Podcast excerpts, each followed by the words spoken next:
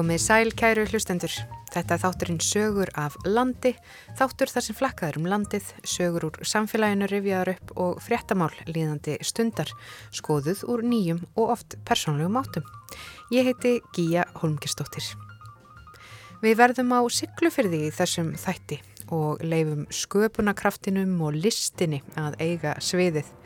Við fáum okkur tesopa í alþýðuhúsinu. Mm. Og þetta er bara heitt vatn og mynda, þetta er ekki. Mm. Getur ekki verið einfalt. Þetta getur ekki verið einfalt. Við ferðumst aftur í tíman og tökum smá dansbor. Nú í stað þess að stíga beint fram í vinstri fót, þá snúið núna einn fjórða úr ring til hægri og stíið svo fram í vinstri fót. Og við fáum okkur kaffisopa með fyrirverandi reykvikingi en núverandi siglverðiki. Hérna er dásamleg gömul uppgerðhús, þjóðlæðisetrið og gunnusjópa og fjöllin bara hérna, skollaskálinn og hérna beint, beint út um gluggan. En við byrjum í Alþýðuhúsinu.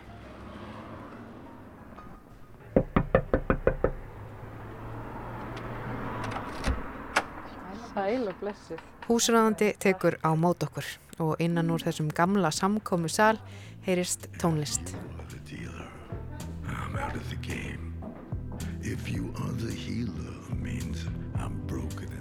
Þetta er Leonard Cohen.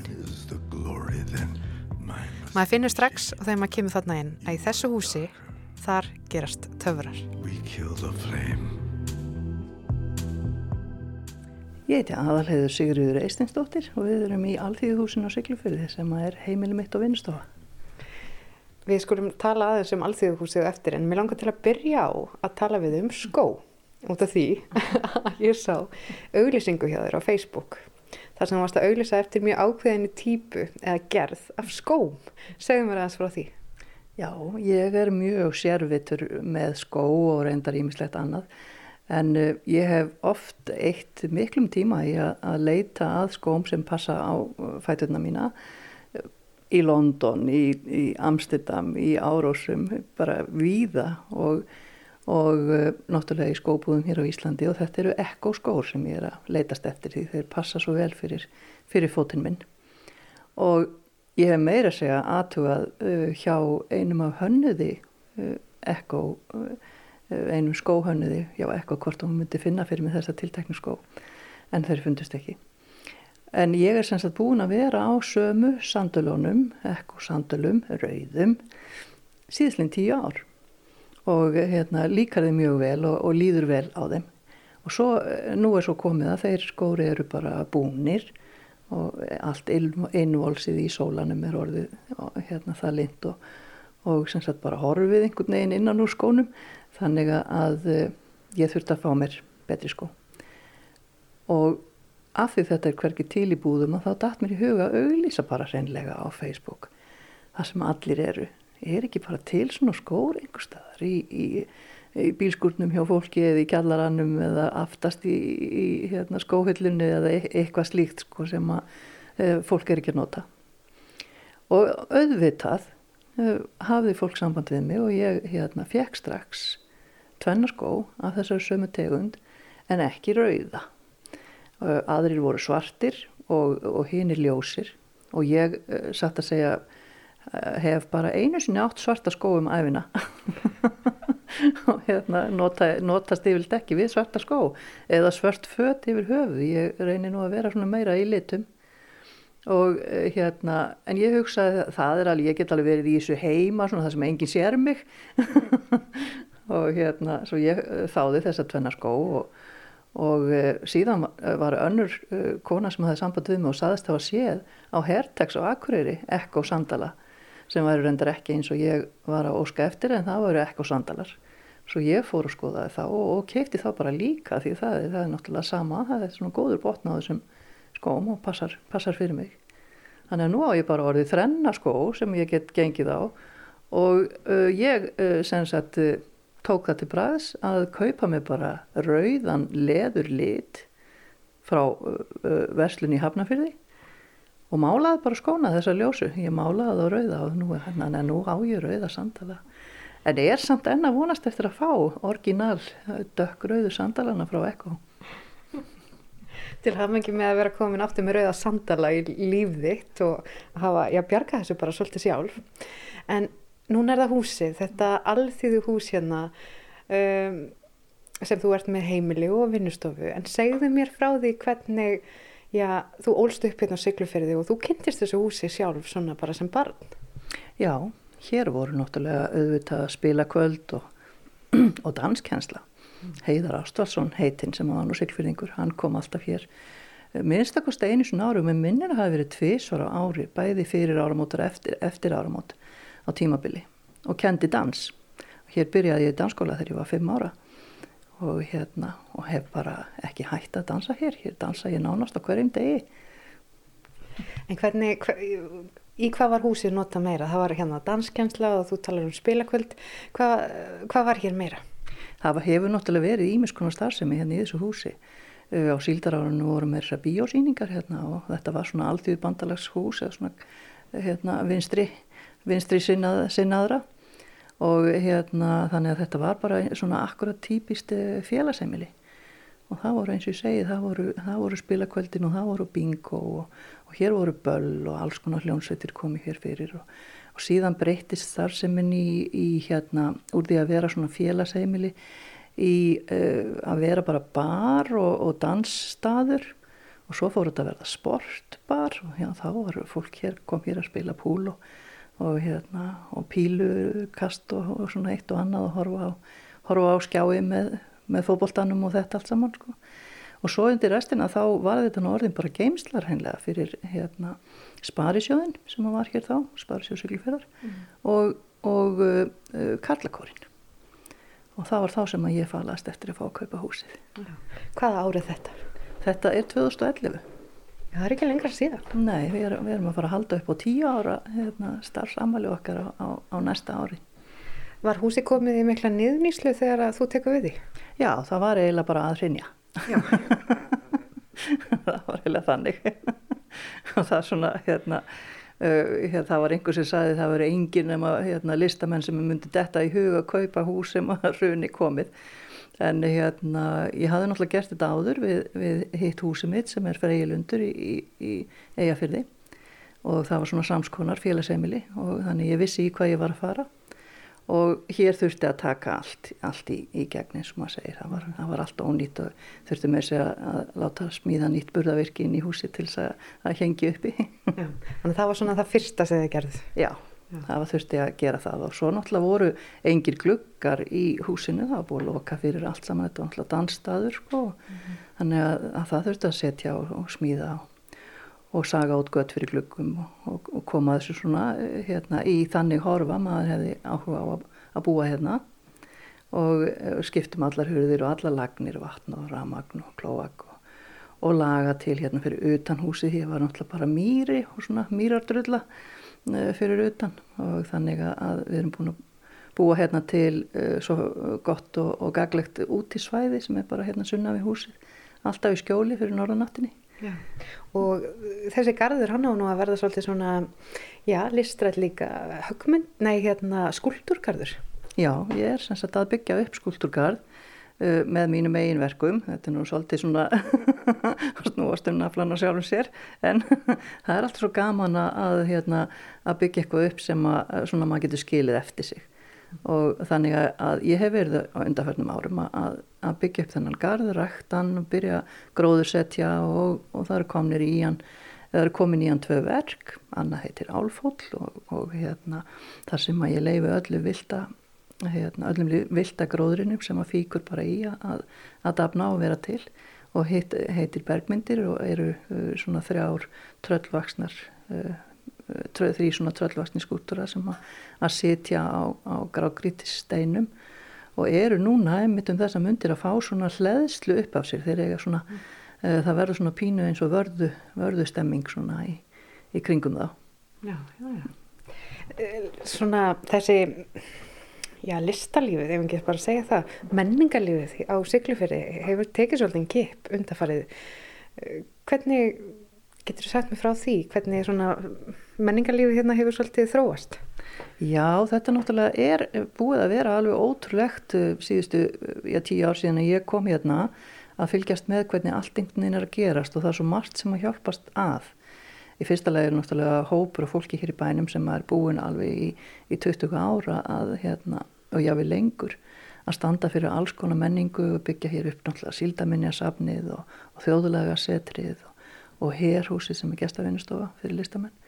Og hérna síðan á Siglufjörður mjög stort listaverkasafn og aðeinar hér í bænum hafa sett upp í ráðhússalum uh, síningar á þeim verkum og síðan uh, hérna uh, eftir að sagt, já, og síldaminjasafni stóð fyrir listsýningum líka, myndlist en auðvitað tónlistin hefur líka rosalega rík hérna.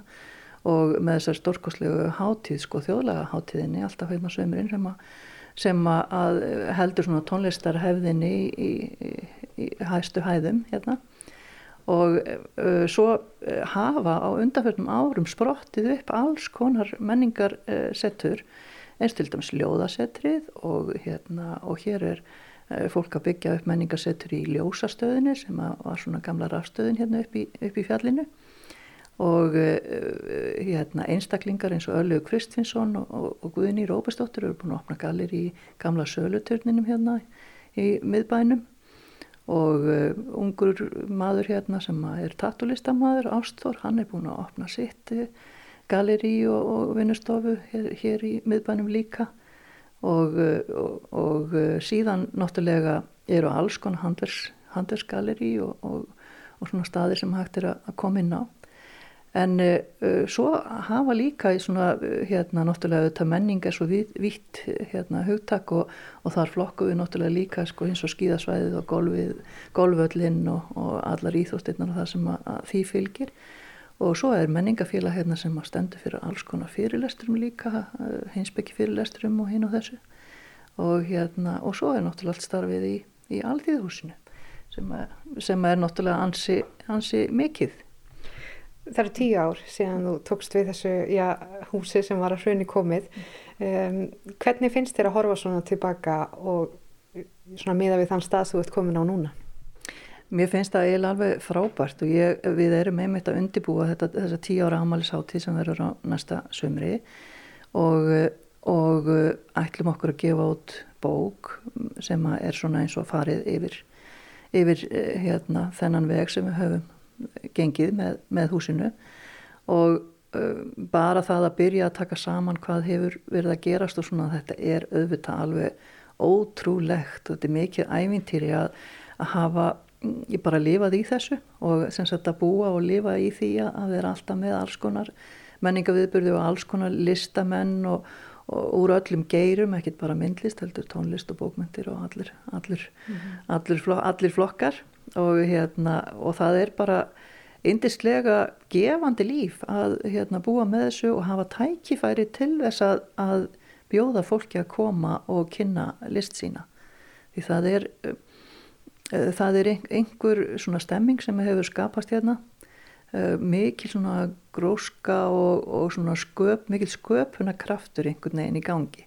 Þannig að þegar að fólk kemur hérna þá finnst þeim uh, einhvern veginn svo sjálfsagt að, að vera skapandi og búa til og svona eru mjög þakklátt fyrir þetta umhverfi sem að og þennan leikvöld sem ég er búin að búa til hérna í, í alþjóðsunu Og þessi staður eins og segir, hann á mikla sögu meðal syklfyrðinga og þeirra sem hafa verið hérna á staðnum. Finnst fólki gaman að geta komið inn á stað þar sem þau voru mitt að dansa með, eða spila eða spila púl eða svona, einhver, staðu með svona mikla sögu? Já, ég finn náttúrulega mjög mikið fyrir því. Bæði mjög jákvægt þar sem að fólk hefur gaman að að koma inn á staðin sinn og finnst þetta, þetta eiga pínlítið í húsinu en uh, auðvitað getur það náttúrulega líka verið þannig að fólki finnst þau eiga pínlíti í húsinu áttar sér ekki alveg á því að þetta er heimili mitt. Þannig að það getur náttúrulega líka haft svolítið svona skrítnar hérna hliðar. En uh, ég ákvaða að láta húsið heita áfram alþýðuhúsið af því mér finnst það bara eitthvað svo fallegt þegar maður tengir það listum að þetta sé fyrir alla alþýðu. Og uh, hérna þá má sér búin að taka pólitísku meininguna úr því en, en hérna Uh, og það veldur stundum ruglingi ja, að fólk heldur að þetta sé ofinbært hús og hérna, ég sé að vinna hérna bara mm. þannig að það, það áttar sér ekki alltaf alveg á því að þetta er heimili mitt og, og vinnustofa á. En af því að húsið er eins og það er, að þá get ég ekki galleri hérna sem heitir Kompan og, og er með uh, nýju síningum á ári og, og, og síðan er ég með þennan stóra sál sem var þetta danssalurinn -hmm. sem er vinnustofa mín en, en hérna, alltaf hægt að að róta til og, og opna húsið fyrir einhverju áhugaverð og flottu sem að sem við getum svona bóðið upp á hérna. Hvað er frammöndan hjá Alþjóðhúsinu svona í þessari listrænu starfsemi? En núna er náttúrulega búið að vera smá pása, ágúst var erfiður og, og ekki hægt að gera neitt þá og, og venjulegast er ég sjálf erlendis í september en, en ákvaða að fara ekki svona af ráðum ímissa eins og sóttvarnalegnis að vera ekkit að þvælast á óþörfu. Eh, þannig að það hefur ekki verið neins starfsemi hérna í ágúst og, og september en strax í byrjun oktober þá hérna opnar síning í kompuni kemur kanadísk listakonna hérna Jay Persilla og opnar hér síningu og síðan í lok oktober þá stendur mikið til því þá verður hérna listaháttið sem að, að kallast skabl og er sem sagt mun verða í þriðja skipti sem við uh, höldum þá listasmiðju. En uh, tvíviðis hefur þurft að frestinni út á sotlu Þannig að, að nú verður ekki frestað. Nú fer uh, hátíðin fram og það eru nú þegar komnir 17 listamenn úr öllum geirum sem að munu koma hingað uh, fyrst og fremst til samtals. Og hérna, þetta er fólk úr öllum, öllum áttum og, og öllum aldri. Og við ætlum að dreifa okkur svona aðeins um bæin og, og vera í samvinnu við aðra aðilegðin hérna í bænum eins og ljósastöðina.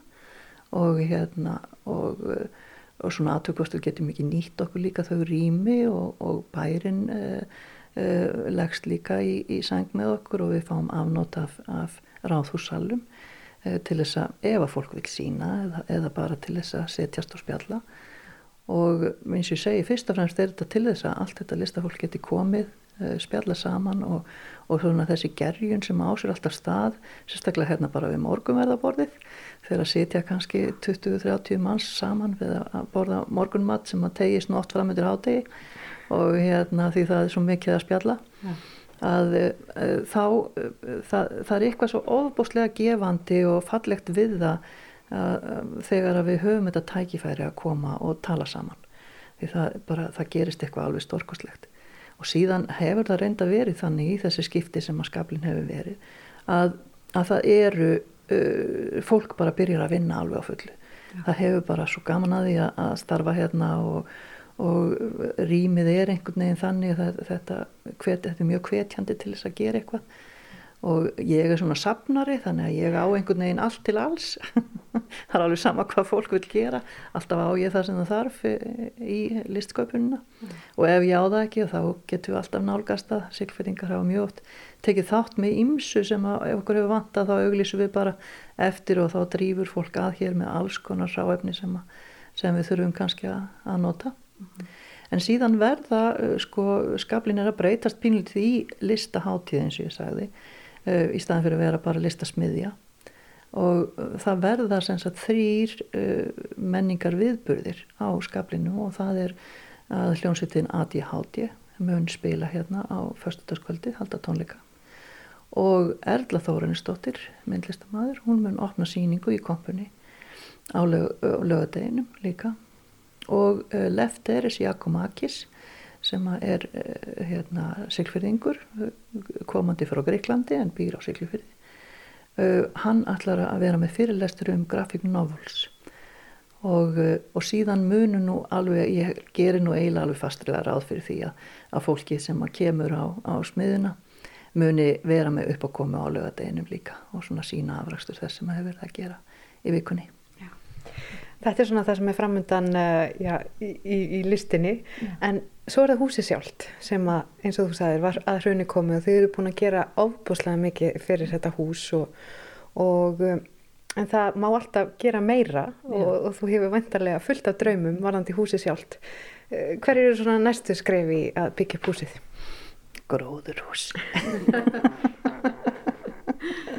Ég er alveg dottin í að rækta núna sko. Það er bara svo gaman og það er svo gefandi. Við hlóðum upp hérna uh, svona gróður uh, hérna, hvað segja svona tök gróður beð svolítið stór í, í fyrra sömar og, og gáttu að nota þau núni í sömar og svo gerðum við stærða karteblugar líka hérna fyrir neðan húsið og þetta er bara svo indislegt að geta ræktað sitt eigið og verða að borða sína eigin mat svona, þó það sé ekki nema í kannski tvo mánuði á árinu mm. að njóta þess að borða þetta feska og ég eh, er með búið að dreyma um það allan tíman að setja niður gróður einhverstaðar en ég hafði einhvern veginn ekki fundið staðin fyrir það sko en núna er ég búin að finna staðin sem er alveg pott héttur og alveg rosa flottu staður. Bara út um eldurstyrnar og inn um gróðurhústyrnar það værði bara þannig. Og hérna þannig að með dreymur um að, að gera það. En auðvitað er alltaf uh, það að marka gardin af með sem sagt með langar að, að gera steifta veggi þannig að þetta verður svona svolítið eins og hallargarður sko, mm. uh, í kringum uh, skulturgardin og, og svona þannig að aðkoman á húsinu verði svolítið uh, svona þesslega maður finnið að maður er að koma á listviðburð þegar sem sagt að maður er að koma að stað þar sem er svona greiða, greiðastaður og uh, þannig að já, þetta er svona draumurinn. En síðan eru líka uh, að lifta þakin á ákveðnu stöðum og fá, fá herbyrgisa sem er útsýni yfir fjörðin og útsýni, útsýni inn á að hólsirnin okkar sem er hérna drottning, drottningarfjallið okkar hér í miðinbænum og, og svona njóta sólarinnar og þannig sagt, inn í húsi því að allir gluggarnir sem að snúa í söður á húsinu það eru gluggarnir á vinnustofunni minni. Þannig að þar situr maður ekki og, og svona nýtur útsýnisins. Þannig að mér vantar svona stað til að sitja með teipólla minn og mótnana og, hérna, og njóta útsýnisins Þannig að það er byrta, náttúra og gróður í framtíðinni Heldur betur Og listin Og listin í bland við allt saman Takk fyrir spjallið og gangi ykkur vel hér í Alþýðuhúsinu á Siglferði. Takk að ég kella fyrir sömulegis.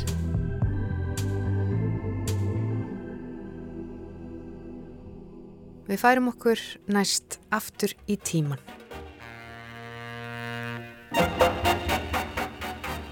Já, þá skulum við nú halda áfram að taka annarspor. Ég vona að þetta hefur gengið vel hjá okkur.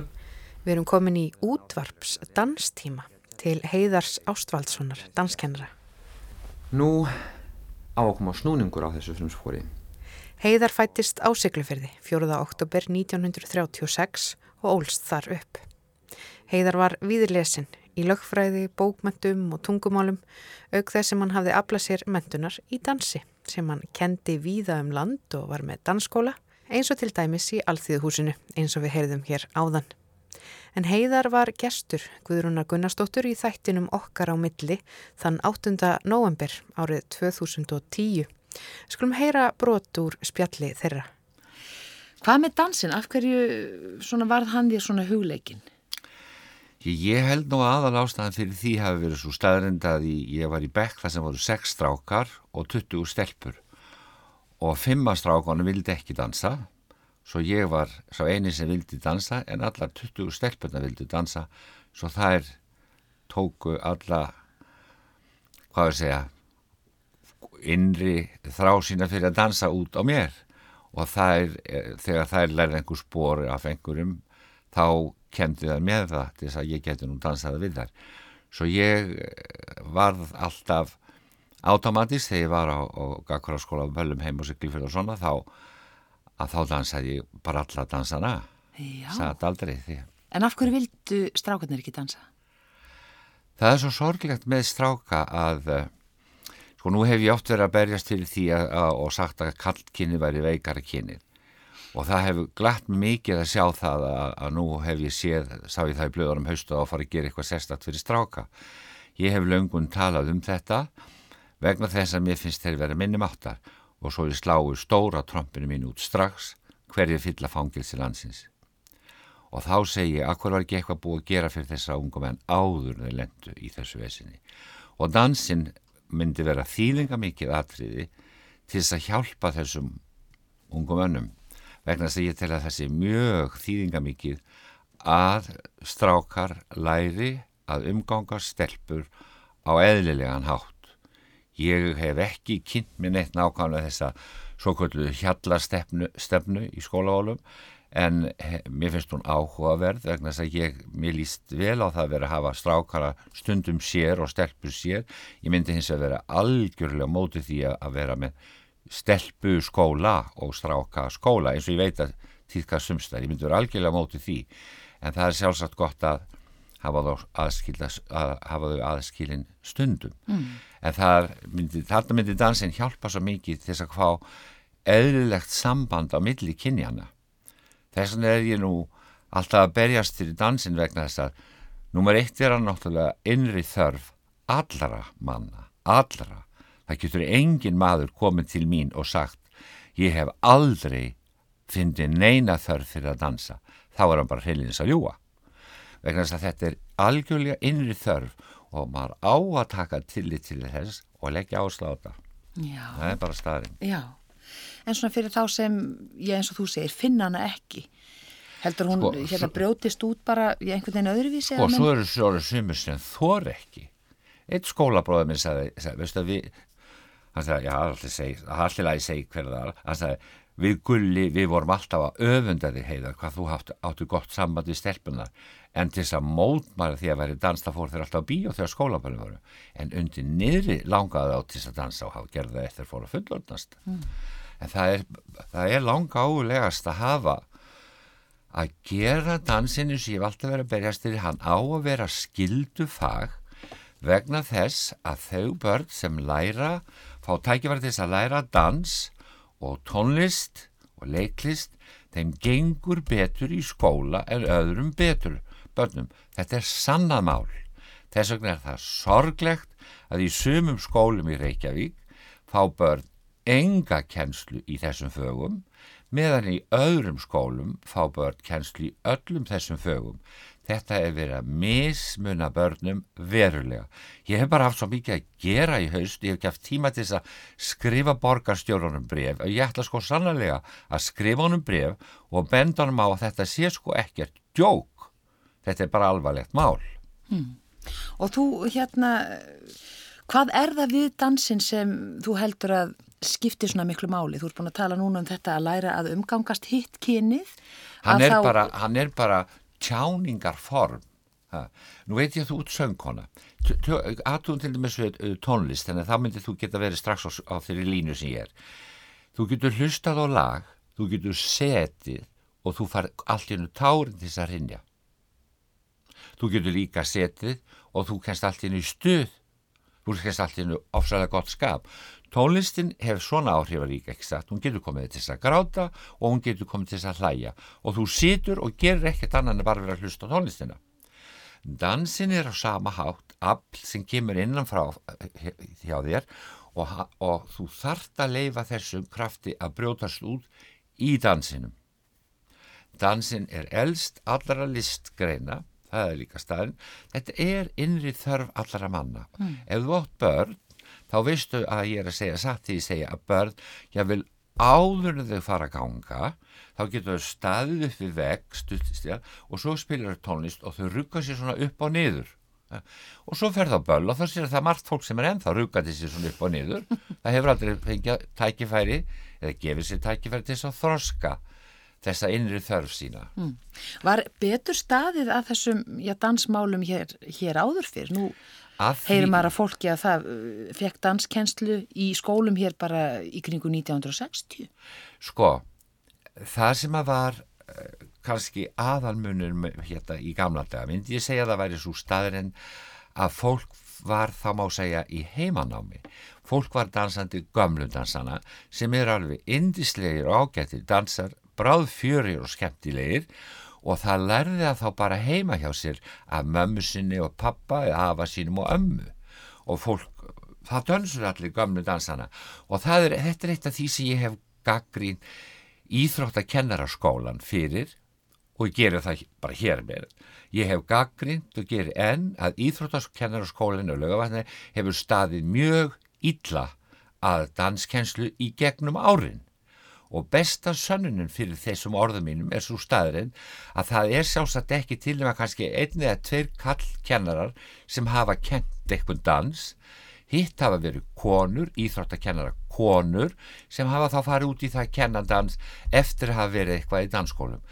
Íþróttakennarar ættu að kenna öllum gömlu dansana og þeir ættu að geta, ég veist að geta allir, þetta, þetta er ekki það erfiði dansar, bráðskemtilegur fjörir og gömlu dansanir er ekki gamaldags.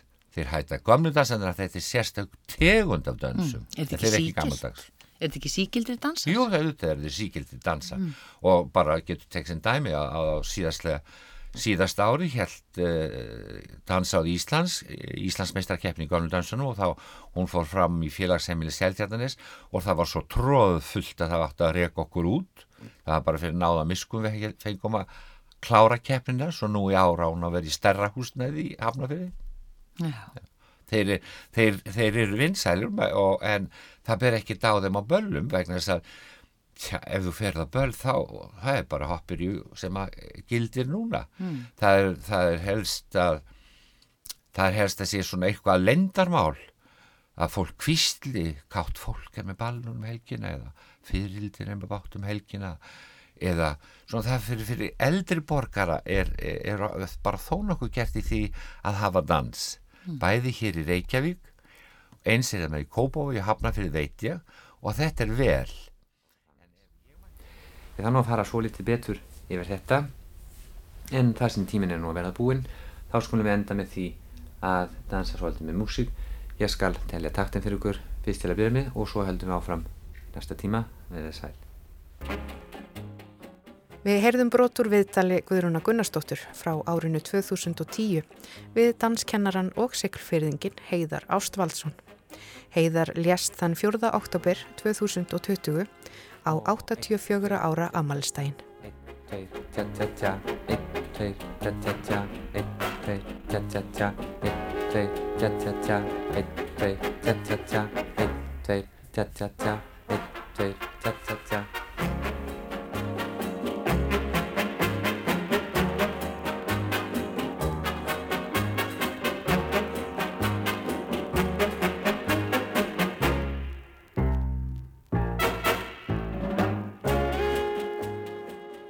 Dansinum er ferðinni heitið í heimsokn í stórt og reysulegt hús sem að stendur rétt hjá bakaríinu á Sigluferði og þar er okkur bóðið upp á kaffi.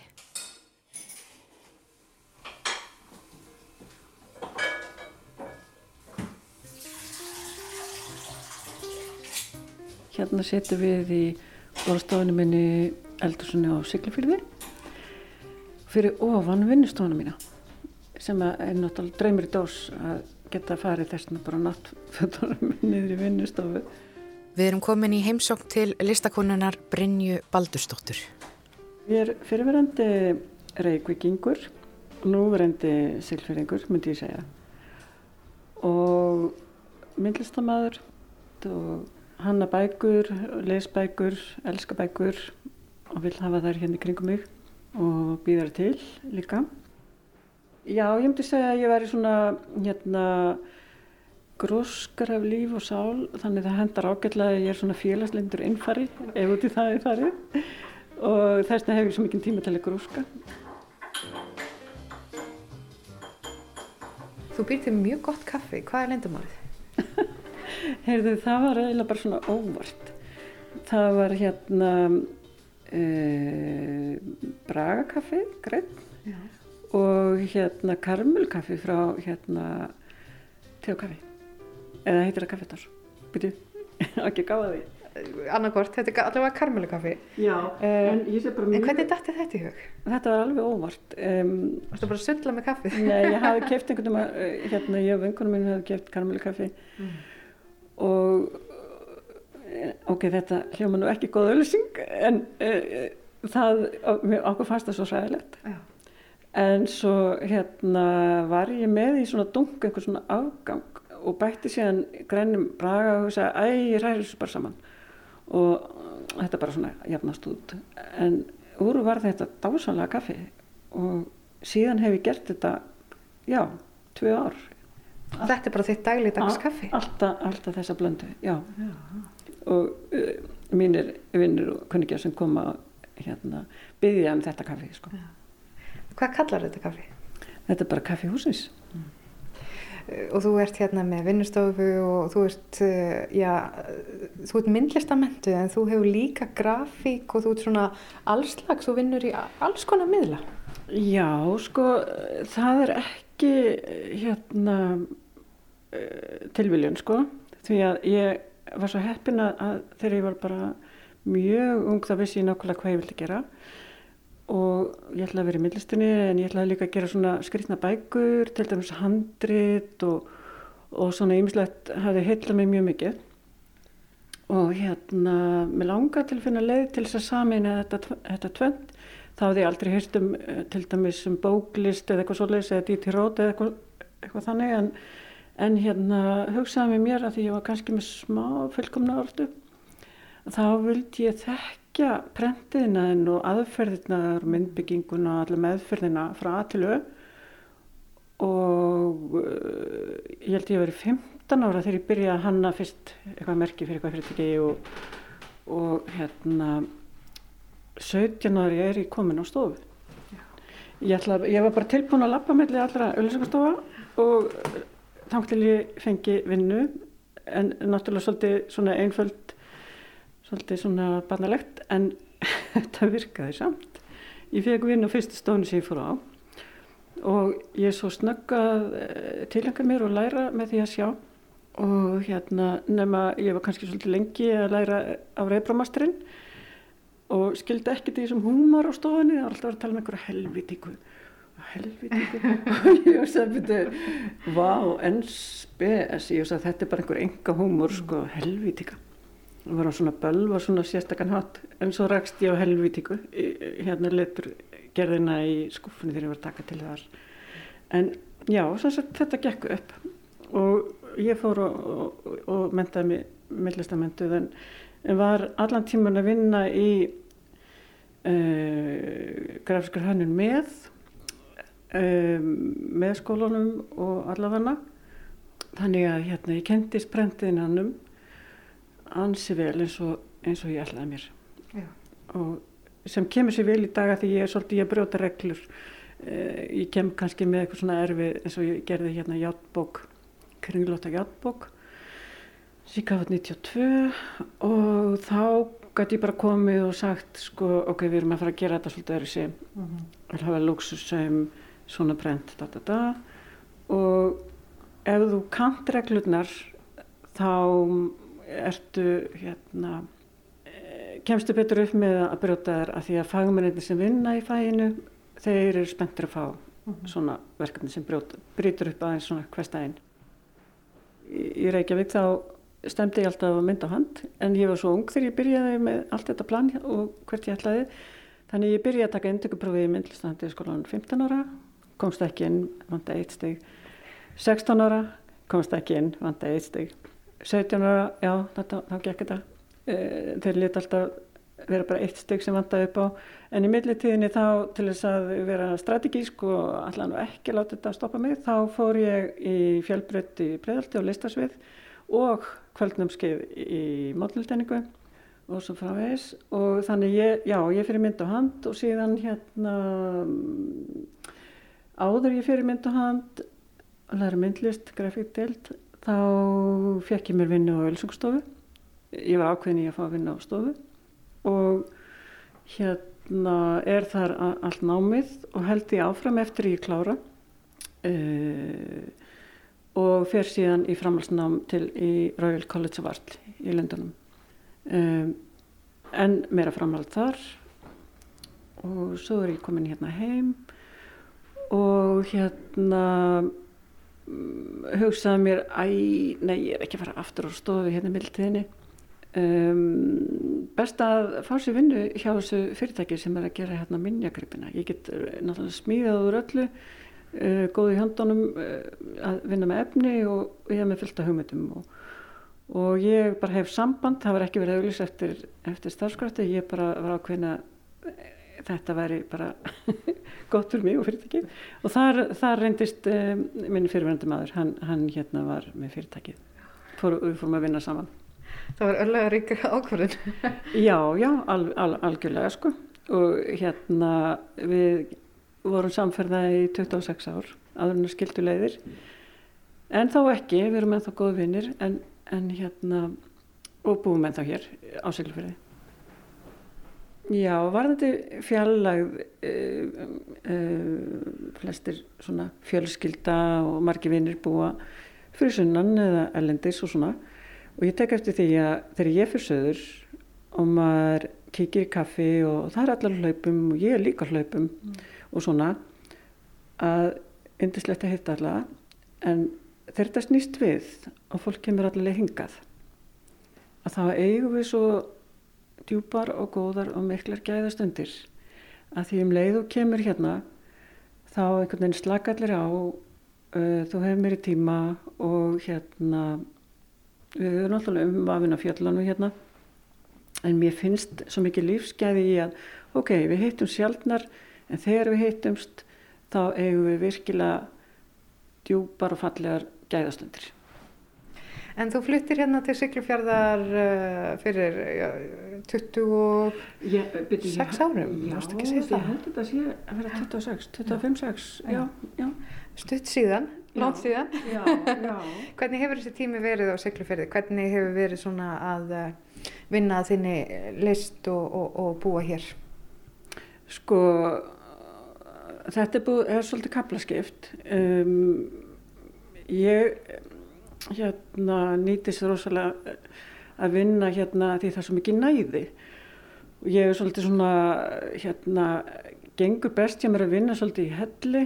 Ég er ekki að sína á samfélagsmiðlum verki vinsluðum eitt svo leys. Ég er bara í mínum helli og þetta hefur sér sinn feril og fær að taka sinn tíma að gerjast og svona og svo kem ég og síni eins og samanberi í fyrra þannig að næði sem skapast hérna við fjallæðina sem núna hefur reyndar breyst það er konum sem ekki að leista mennum mm. og hérna ég ber að hluta til ábyrða á því líka að hérna að þegar ég kem hérna upp að sko, þá er allt í niðuníslu mm. en við myndlistamenn eða hönniðir erum svolítið þjálfuð í að sjá fyrir okkur. Þannig þegar ég kem hérna allt í niðurneyslu þá sé ég eitthvað allt annað. Ég sé bara möguleikana og hugsa bara fell í stafi og hugsa, vá, þetta er bara, þetta er bara hérna, efni, ég menna þetta er ekta staði fyrir listamann nýrlöndu. Ég sé bara listamann nýrlöndu hérna, mér var svo mikið speist til að hugsa og, og hérna, umvæðun á fjöllunum og eitthvað alveg einstakt hérna. Mm. Þannig ég drýmaði bara í skafstofana örgulega daldi mikið á einsæðinu og, og hérna yfir þessara hugmynd og beða um hvort það er hafa áhuga að taka þátt í að gera gæstafnistofu. En hérna sem sagt þá, um, já þau bara hlóðu upp átt, fannst þetta mjög fyndið því ég var alltaf niður í nýslu og ég tala um þetta með af því leikri hrifningu sko. Já. en já já, um, það er sem sagt, um, ég ræði þetta um fleiri og sem að hérna líka þessi hugmynd og, og, og sama sinnis og úr varð reyndar ekki 95 en aðeins einna að við stopnum Herúsfélagið, gestafinnistofu mm. fyrir Írlanda erlendi leistamenn og síðan hefur þetta svona bara verið snjóbaldi en, en aðrir hérna hafa komið og, og hérna gert þetta enn meira. Eins og, eins og hérna aðalhegur Eisteins sem er alveg stórkáslegt sko, hún er búin að setja myndlistana svo sínilega en hún fellur aftur fyrir Siglufjörn með því að koma og dvelja í gestafinstofunni þannig þetta er svona. Já, já. Þannig að gestafinnstofun ykkar eh, hafði áhrif þarna á gamlan Siglfjörðing að koma snúa heim. Já, en, en vinnan er Svona ekkur í leiti Já, ekkur í leiti sko en vinnan er náttúrulega hennar, hún gerur stórkáslega hluti hérna. Og Gunnsteit með þjóðlega setrið og örlögu með síldamennusafnið og svo bara bætast við fleiri og fleiri og margir vilja setjast hérna að. Og þetta er orðið svolítið svona fjölþól, já, fjölþjóðlegt myndi ég segja. Eins og Söklefjörði var á síldartímanum, þetta var auðvitað bara fjölþjóðlegasti staður á Íslandi. Já, finnst þetta ekki merkilegt? Já. Mér finnst þetta alveg meiri áttar.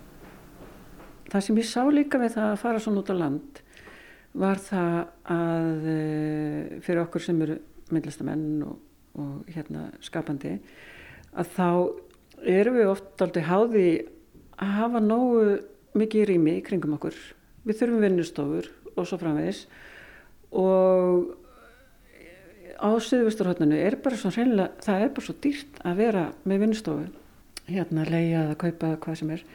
Ef þú fyrir út á land, ekki bara Siglufjörð, ef þú fyrir út á land, þá er fastakni verð munlæra og þú getur látið eins og drauma rætast eh, með vinnustofur til dæmis sem að það var ekki fræðilegu möguleiki í Reykjavík. Eða, eða svo mikið sem eiga húsnæði að út á landi þá er það möguleiki. Ég lendi bílslisi og en sko sama tíma má kannski þakka því að ég hérna kvarlar að mér að flytja hingað. Maður minn fyrirvöndi er hérðan og komið fyrirtækisett hingað sem ég var að vinna hjá en, en það setjast alveg hér að Uh, fannst mér komið betur til greina þegar ég var strax komið hérna skerta starfsorku eftir bílslis og mér fannst ég þurfa aðeins að jafna mig og, og komist í svona ró mm. en ég held að ef, þannig ég þakka það slísunni, ef ég hefði ekki löndi því þá kannski hefði ég ekki náða staldra nægilega við til þess að hérna falla svona vel fyrir stanum, held ég sko En hvernig hafði bílslisið áhrif á, á hvernig þú starfaðir? Já, sko, það var ekkert alltaf í bóðu fyrir með að drífi hlutunum og, og hérna vinna með höndunum eins og, eins og maður hefði viljað. Ég var, var óttalegu vinnu algi fyrir en þarna setti þetta mér skorður og það, ég hugsaði mér, já, ok, það er hérna kannski undistrykka bara mínu nálgun yfir leitt sem að er það að hérna grúska daldi mikið og gera rannsóknar vinnu og spá og spekulera og skissa og þannig ég setti bara upp kerfi þannig að, að það er skissur eða hugmyndir sem að lifa það af þann tíma. Mm. e, hafa þá sannað sig fyrir mér að mega verða til sagt, mega verða einhverju meiru. Og þannig ég hugsaði mér ég hef ekki þann luxus að geta bara vaðið áfram. E, heldur þurfti þá bara að hafa allt vel ígrundað þar sem að ég er því sem sagt fengi að verða til. Og hugmyndavinnan, rannsóknarvinnan, nálgunin er kannski bara meiri fyrir vikið. Þannig að hérna, og ég veit ekki hvort að það má kannski benda á, það er einhver sem benda á, en betur þetta er svo reysastór verk, þetta er svo þungverk, um, hérna, hverju gerur ekki eitthvað svona lítið og öðvöldra. Kannski er ég augra sjálfur mér, eða hérna, ég hef nú alltaf verið alltaf þrjósk og gefst aldrei upp, þannig ég hef kannski spilar það eitthvað inn í en, en hérna, það er meira ómeðvitað heldur en ákverðin. En hvað er svo framöndan? Nú ertu búin að búa hérna á Sigluferði, þetta er orðin þessi listamanna staðu sem að þið dreymdi um og Já. sást fyrir Já. þegar að, að þú fluttist yngað. Hvað er framöndan hjá þér? Uh, já, það er bara njóta og halda fram og uh, ég er bara að vinna að öðrum verkum sem að hérna, þurfa líka sinn meðgangutíma þannig ég hérna, er að grúska mikið áfram. Aðeins annað þema kannski eh, en samt ekki. Mm -hmm. Svo ertu líka að gera upp hús. Já, heyrðu. Það eru sko yðnaðamenn hérna út um allt og, og, og, og já, mikið gaman. Já, sko ég þurfti nú einhvern veginn að leysa það að þetta hús er gríðilega stórt þannig ég ákvað bara að spýti lofan og breytta verðmennar og uh, eina vitið er að gera upp íbúð hérna eftirhæðinni og klára viðgerðirnar auðan og selja svo íbúðina uh, til að greiða fyrir framkvæmdum. Uh, maður verður bara að vera svolítið útsjónasamur og hérna Ég bara hérna hlakka til að kynast nýjum nágrunum. Já. Eh, þetta verður svolítið svona, já, um, en sko, já, toppurinn er bara, ég veit ekki þeir sem er búið fyrir sunnan kannski, þetta ljómar skringilega, ég hlakka til að það fyllist allt á snjó hérna. Það er svo ápáslega fallegt, fellist dag í dag eftir dag hérna með útsýnið við kappbóllan mm -hmm. og horfum beint á fjallin hérna og það er svona lífskeiði sem að jú, margi náttúrulega fyrir sunnan hafa æðislegt útsinni en, en hérna geta að hann bara fara niður í vinnstofuna og halda að fara að gera sitt besta